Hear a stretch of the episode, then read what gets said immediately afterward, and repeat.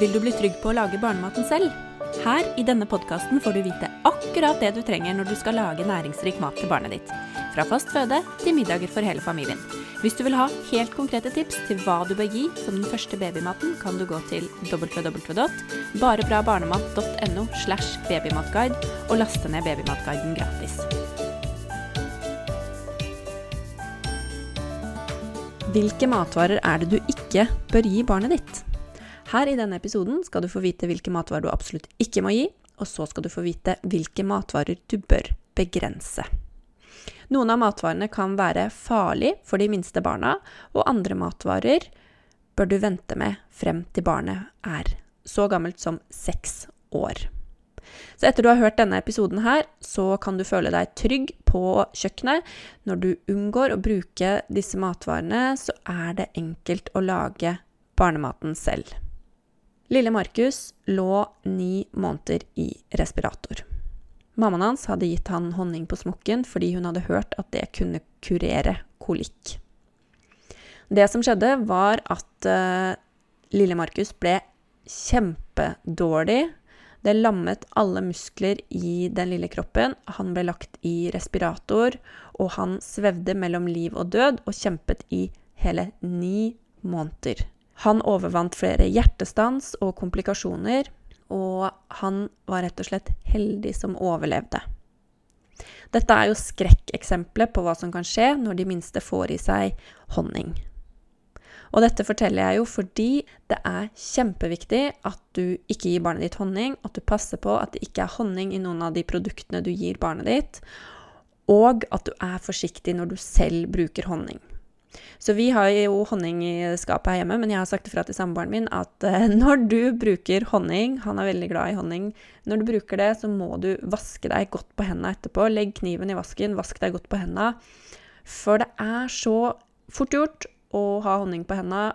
Plukke på babyen, altså ta hen, på hendene til babyen og babyen putter det i munnen, eller å ta direkte i ansiktet. Det kan være små mengder, altså det er små sporer i honningen som kan utvikle seg til eh, bakterier i tarmen til de minste. Fordi vi vet jo at tarmene ikke er ferdig utviklet. Så her er det jo en risiko for at hvis de får i seg små mengder, så kan de utvikle botulisme. Så pass på det. Hold barnet ditt unna honning, og vær forsiktig når du bruker det selv. Ikke honning til barn under tolv måneder. Honning kan du gi fra tidligst ett år. Nitratrike grønnsaker. Vi elsker jo å bruke både rødbet Det er så smart å snike inn i både pannekaker, lage rosa pannekaker. Det syns femåringen her er kjempe Altså, det er favoritten. Rosa pannekaker eller grønne pannekaker eller grønn smoothie, rosa smoothie. Det gir jo så utrolig fin farge, og i tillegg så får barna i seg grønnsaker som de kanskje ikke hadde spist hvis du ikke sniker det inn. Så det er lov å snike litt inn, i tillegg til å servere matvaren sånn som den er i sin opprinnelige form. Og rødbet, både rødbet og øh, spinat, som vi så populært bruker, er jo matvarer som de minste ikke bør få i seg for mye av.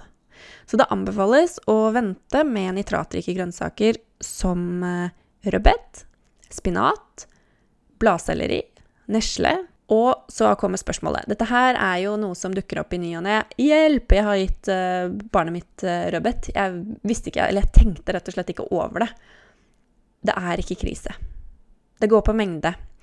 Det som uh, kan skje hvis du gir mye nitratrike grønnsaker, er jo det at det kan hemme oksygentransporten. Tenk på mengde. Så det er ikke farlig om du har gitt litt, men det anbefales også å vente til barnet er ett år. Når lillebroren min var liten, så var pappa alene hjemme med han. Og pappa serverte pølser. Pappa har vel kanskje ikke hørt noen sånn mesterkokk, det må være lov å si. Håper han ikke hører på den der. Så lillebroren min fikk pølser. Jeg husker ikke helt hvor gammel han var, men han var liten. Det som skjedde, var jo det at han satt fast denne biten i halsen. Så han slutta å puste. Han ble helt blå i ansiktet. Pappa ringte ambulanse. De var på vei med sirener og hele pakka.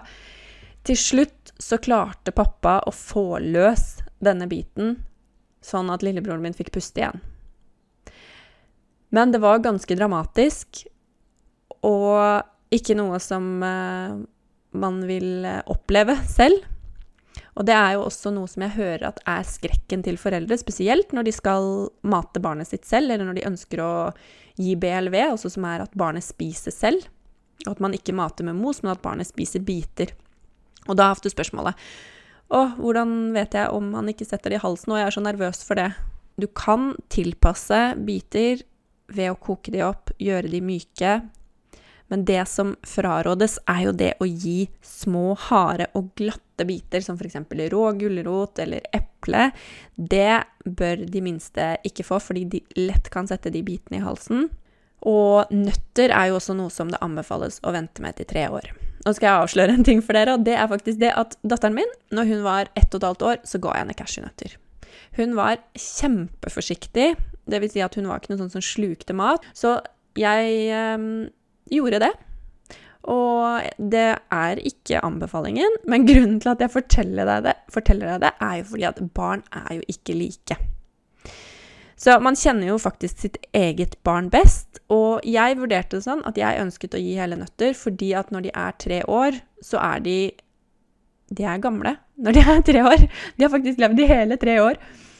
Og jeg ønska at hun skulle like å spise hele nøtter som snacks, og cashewnøtter er myke. Så jeg testa, og det fungerte helt fint, så jeg fulgte, godt med. Så det er dere som syns at det var uansvarlig gjort eh, Jeg tok en eh, avgjørelse på det selv, og så gjorde jeg det. Det er ikke noe jeg anbefaler deg å gjøre, men eh, Og anbefalingene er jo også å vente til barnet er tre år. I barnehagen der hvor datteren min går nå, så gir de en del rosiner. Og det gjorde de også, husker jeg. Jeg bestilte utrolig mye rosiner i barnehagen der jeg jobba som kostholdsansvarlig i mange år. Og det er jo kjempefint. Det kan brukes på grøten, det kan brukes og gis som snacks ved siden av frukten. Det er eh, noe vi bruker, vil jeg si. Jeg tør å påstå det, at det er noe vi bruker mye av i Norge. At vi har litt tradisjon for å gi rosiner. Og det kan jo være kjempefint. Det kan være et godt alternativ til godteri. Det man bør vite om, er jo det at det er faktisk en begrensning på rosiner, og det handler om muggsoppgifter, som for så vidt finnes i eh, det meste av tørka frukt i varierende grad, også i nøtter og i korn. Men det er også en begrensning på rosiner, fordi, nettopp fordi vi gir så mye rosiner. Eller det er i hvert fall en betydelig mengde. Så hvis du forholder hvis du tenker på disse små pakkene, de husker jeg fra jeg var liten. Sånne små pakker med 45 gram, de kommer vel i sånn sekspakk nå, tror jeg, på butikken. Hvis du tenker på de, og så gir du én pakke i uken maks, til de minste. Det skal større mengder til for å overskride det som heter ADI, Acceptable Daily Intake, og det er jo en sånn sikkerhetsmargin. Så gir du én pakke, så er du innenfor med tanke på at det finnes muggsoppgifter i andre matvarer også, som vi foreldre gir.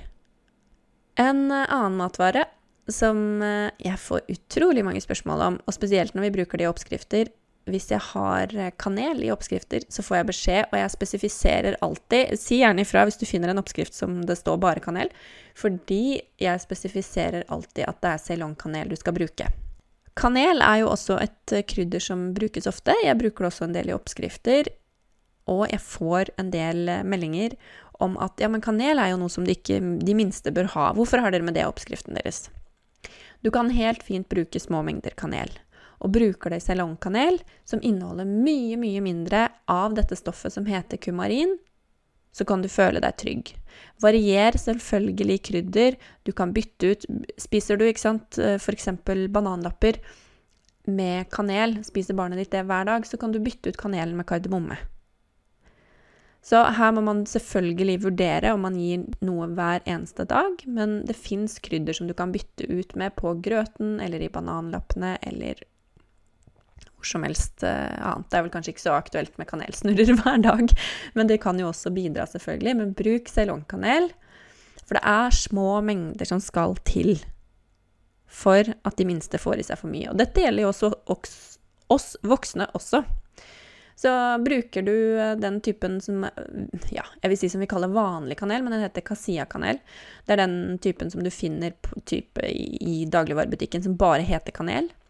Så er det en risiko for at du overskrider den grensen som er trygg også for voksne. Så det er kjempefin kaneltype å bruke for hele familien. Og den finner du i helsekost, eller nå ser jeg også at det begynner å komme mer på type Meny har det, det begynner å bli mer. Sikkert flere som spør, og jeg oppfordrer dere alltid til å spørre etter matvarer som dere ikke finner i butikken, som dere ser etter, fordi at da får de beskjed om at eh, forbrukeren, altså du og jeg, vi ønsker eh, f.eks. Vi ønsker mer økologisk, så vi spør etter det. Uansett om de ikke har det, ikke spør om de kan ta det inn. For hvis man ikke spør, så får man heller ikke. Og da blir det mer bevissthet rundt det. En matvare, eller to matvarer, som Dette her er jo noe som veldig mange ikke er klar over. Så i barnehagen, når jeg eh, jobba der som kostholdsansvarlig, så hadde de bestilt rismelk. Og det var jo fordi mange kan jo ikke ha laktose eller har melkeproteinallergi, så de ikke kan drikke melk. Og da ser man jo etter andre alternativer, og rismelk var jo av de, en av de melketypene som ble kjøpt inn der en periode. Så da jeg informerte styreren i barnehagen om at de minste, altså barn under seks år, så det er ikke bare de minste, ikke bør få rismelk pga. arsen, så kutta de jo selvfølgelig ut det med en gang. Og de var ikke klar over det, så de takka jo for at jeg informerte om det, og så bestilte de en annen type melk. Så både rismelk, der er det jo en risiko for at barnet får i seg for mye, fordi drikker man først melk, erstatter man rismelk med kumelk, så kan det hende at man drikker det noen ganger i løpet av dagen, så det er den risikoen for at de skal få i seg store mengder. Og det samme med riskaker, det er også anbefalt å vente med til barnet er seks år. Og det ser jeg hele tida, at folk gir småbarn riskaker. Det er ikke uvanlig. Men det er jo rett og slett fordi man ikke vet. Og her er det jo også snakk om mengde.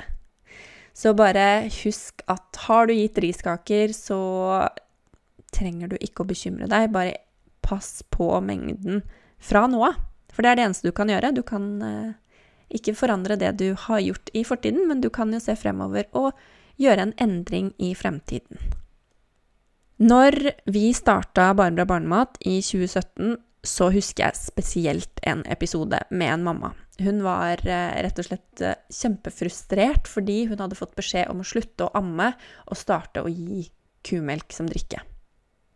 Og hun spurte oss fordi hun eh, begynte rett og slett å tvile. Hva er det i kumelk som er så fantastisk? Hvorfor ble jeg anbefalt det? Altså, jeg ble anbefalt å slutte å amme og gå over på, på kumelk fra ett år. Det er ingenting som er fantastisk i kumelk. Altså, det vi må tenke på, bare sånn for en liten reality check, er jo det at det, morsmelk, det er det beste for barnet. Og det er fortsatt det beste for barnet om barnet er ett år. Så det er ikke sånn at kumelk fra en annen art er bedre for barnet enn din melk. Kumelk er kalven sin melk.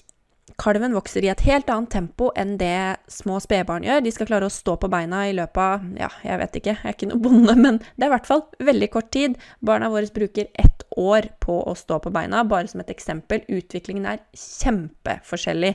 Kumelken inneholder tre ganger så mye, som, mye protein som morsmelken, og det er store forskjeller i næringssammensetning. Og dette er verdt å vite, fordi at vi er en sånn uh, kumelknasjon hvor det, det, Dette handler om kultur.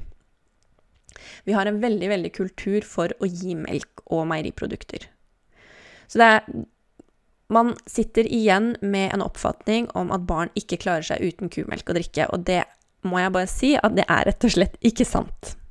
Det er næringsstoffer som du kan tenke på utenom eh, Altså hvis du ikke gir verken melk eller meieriprodukter, ikke kan gi det, kanskje barnet ditt ikke tåler det, så er det næringsstoffer du bør tenke på, spesielt kalsium og jod. Men det er fullt mulig, og det er heller ikke vanskelig, å dekke næringsstoffbehovet. Men når det er sagt, så kan du gi melk og meieriprodukter fra barnet ditt er ti måneder. Det anbefales å fortsatt være forsiktig med melk og ikke bruke melk i grøt eller i um, for mye matlaging før barnet ditt er ett år. Altså dette er en anbefaling. Her tenker jeg at man selv må se på hvor mye melk man bruker, fordi dette her er ikke svart-hvitt. Smør for eksempel, det, får vi mye spørsmål om. Det er ikke farlig å bruke smør. Det er små mengder melk, og grunnen for at melk ikke anbefales eller meieriprodukter, før tidligst ti måneder, er fordi at man er bekymret for om melk- og meieriprodukter kan ta opp plassen til jern. Så det er den eneste grunnen til at eh, det ikke anbefales før. Så det er rett og slett ikke farlig. Kunstig søting, derimot, det er noe som man bør vente mye lenger med. Jeg var på åh, Hvilken matvarebutikk var det, da? Ja? Vi skulle ha en sånn kjapp uh, matbit uh, til datteren min, og så var det sånn Ja, jeg går jo i min egen felle, holdt jeg på å si. Jeg tenker jo på dette her. Dette er jo noe som jeg sier til dere hele tiden. Les på pakka, snu pakka, ikke la deg lure av forsiden. Snu den rundt, og kikk bakpå. Og jeg gikk jo i den samme fella her om dagen, ja, her om dagen for ikke så lenge siden selv. Hvor jeg kjøpte en yoghurt som sto sånn frukt og bær på forsida. Og så tenkte jeg å, så flott, bare søta med frukt og bær. Så jeg kjøpte den, og så kom, smakte datteren min på den, så hun likte den ikke heller. Hun syntes ikke den var noe god. Og så kikka jeg på innholdsfortegnelsen, og så så jeg at den var søta med aspartam og acesulfam Ja, nå sto det litt stille, hva det heter. Acesulfam K, tror jeg det heter. Det fins forskjellige søtningsmidler, men det er altså kunstig søtning, men det er de to ofte blanda som er sammen i produkter. Så det er jo noe som ikke anbefales fram til tre år. Og det er rett og slett fordi vi ikke vet effekten av hvordan det påvirker tarmfloraen til de minste. Og så vet vi at tarmfloraen er superviktig, og at den bygges opp de tre første årene. Så man anbefaler ikke til de minste, og derfor så sier jeg også at eh, Eldre barn, større barn enn tre år, de bør heller ikke få kunstig søtning. Skal du velge søtning til barn, velg heller noe annet. Altså velg sukker, velg eh, lønnesirup, velg honning, kokossukker. Gå heller på de variantene som er ikke er kunstige, rett og slett. Mm. Vi vet ikke hva det gjør med Eller vi vet jo en del, men appetitt, eh, regulering Ja, tarmflora Det er mange ting å tenke på i forhold til dette med kunstig søtning, så bare dropp det. La det være fun light. Jeg anbefaler deg bare å ja, unngå det, rett og slett. Salt og sukker er jo andre matvarer, og dette er det store spørsmålet. Fordi wow, salt, det må jo barnet mitt ikke få i seg. Så her er det bare å begrense, begrense, begrense. Og har barnet mitt fått i seg litt salt, ikke sant? er det krise? Grisander er jo seks måneder nå, så han har starta litt, litt, med smaksprøver. Og eh, jeg hadde laget en Vi hadde fotograf her fordi jeg skulle ta noen bilder. Første smaksprøver-bilder. Og han eh, Ja, jeg hadde laget rett og slett til frokosten avokadomos, som jeg syns er utrolig godt, og jeg liker jo at det er litt salt i. Så jeg hadde salta den, og så skulle jeg ha noen bilder av han med mos, og da tenkte jeg da bruker vi bare den mosen som jeg har laget der. Og så tenkte jo ikke jeg over at jeg hadde salta den, så jeg ga jo den til han. Så hans første smaksprøve på avokado, det ble avokado med salt, rett og slett. Og det er jo ikke anbefalt. Men det er heller ikke noe krise. Det var en smaksprøve. Det er ikke noe krise, men man bør jo selvfølgelig ikke salte babymaten. Man skal ikke gjøre det. Det er strenge regler til barnemat når det produseres i forhold til innhold av salt. Og det er jo rett og slett fordi nyrene ikke er ferdig utvikla. Men når det er sagt Barn trenger også litt salt. Og her er det mange som blir overraska. Fordi selv om barn ikke skal ha tilsatt salt, så trenger de litt salt. Lager du barnematen selv, så er det jo kjempeenkelt å bare ta av før du salter til resten av familien. Så fortvil ikke om du har gitt salt til barnet ditt. Det er ikke krise. Men Risikoen er større for at barnet får i seg for mye salt når du bruker ferdigprodukter sammenlignet med hjemmelaget. Da, du, da vet du akkurat hva som er i maten du gir. Du klarer å regulere saltmengden. Ta av før du eventuelt moser eller gir som biter til barnet ditt. En oppsummering av matvarene du ikke ikke bør gi til barnet ditt. Honning. Husk på lille Markus som utviklet spedbarnsbotulisme og ble alvorlig syk, lå i respirator i ni måneder. Honning skal ikke gis til barn under tolv måneder. Du kan gi honning fra tidligst ett år. Nitratrike grønnsaker er også noe du bør vente med til barnet er et år. Det er spinat, rødbet, bladselleri og nesle. Rosiner er eh, en matvare som bør begrenses pga. muggsoppgifter, så hold deg til en liten pakke av 45 gram i disse små pakkene som du finner i butikken i sånn barnestørrelse, i uken. Så er du trygg med tanke på at andre matvarer også inneholder muggsoppgifter. Kanel. Velg ceylonkanel, og Føler du på deg at du bruker for mye kanel, så varier med andre krydder. Kardemomme er kjempefint å bruke. Ekte vanilje, f.eks. i grøt eller i eh, lapper. Når det gjelder små, harde og glatte biter som rå gulrot, rå eple, druer f.eks., eller eh, nøtter Vent til barnet klarer å håndtere det. Nøtter er ikke anbefalt å gi før barnet er tre år. Rismelk og riskaker bør du vente med til barnet er seks år. Det frarådes å gi det før barnet er seks år. Av skjen, som jeg nevnte, og det har også vist seg å være kreftfremkallende. Så det er grunnen. Når det gjelder melk, så er anbefalingene at du kan starte med litt melk fra ti måneder, altså meieriprodukter som f.eks. yoghurt. Og så kan du, om du ønsker, gi kumelk og drikke fra tidligst ett år. Kunstig søtning anbefales å vente med til barnet er tre år, fordi vi ikke vet hvordan det påvirker tarmfloraen til barnet, barna. Og jeg vil si at jeg anbefaler deg å unngå kunstig søtning helt. Når det gjelder salt og sukker, så bør ikke barnematen saltes, og sukker er jo noe som vi bør vente med gjerne så lenge som mulig, men du kan gi det fra tidligst år. Og det er jo fordi at det kan ta opp plassen til andre næringsrike matvarer, og vi vet at et næringstett kosthold er kjempeviktig for de minste. Men dette her kommer jo tidlig nok uansett, så man kan jo prøve å vente så lenge som mulig med, med sukker. Nå har du fått vite hvilke matvarer du ikke bør gi til barnet ditt. Forhåpentligvis så føler du deg bitte litt tryggere på å lage barnematen selv, og hvis du lurer på hvilke matvarer du kan gi, og hvilke oppskrifter du kan bruke til den første babymaten, så kan du laste ned Babymatguiden helt gratis på www.bareprabarnemat.no. slash babymatguide. Du finner meg som eh, Bare bra barnemat både på Instagram og på Facebook, så følg meg gjerne der. I tillegg så er det kjempekoselig hvis du vil gi eh, podkasten en anmeldelse, sånn at flere kan oppdage det å lage hjemmelaget eh, mat til barna sine, og ikke minst hvor enkelt det faktisk kan være.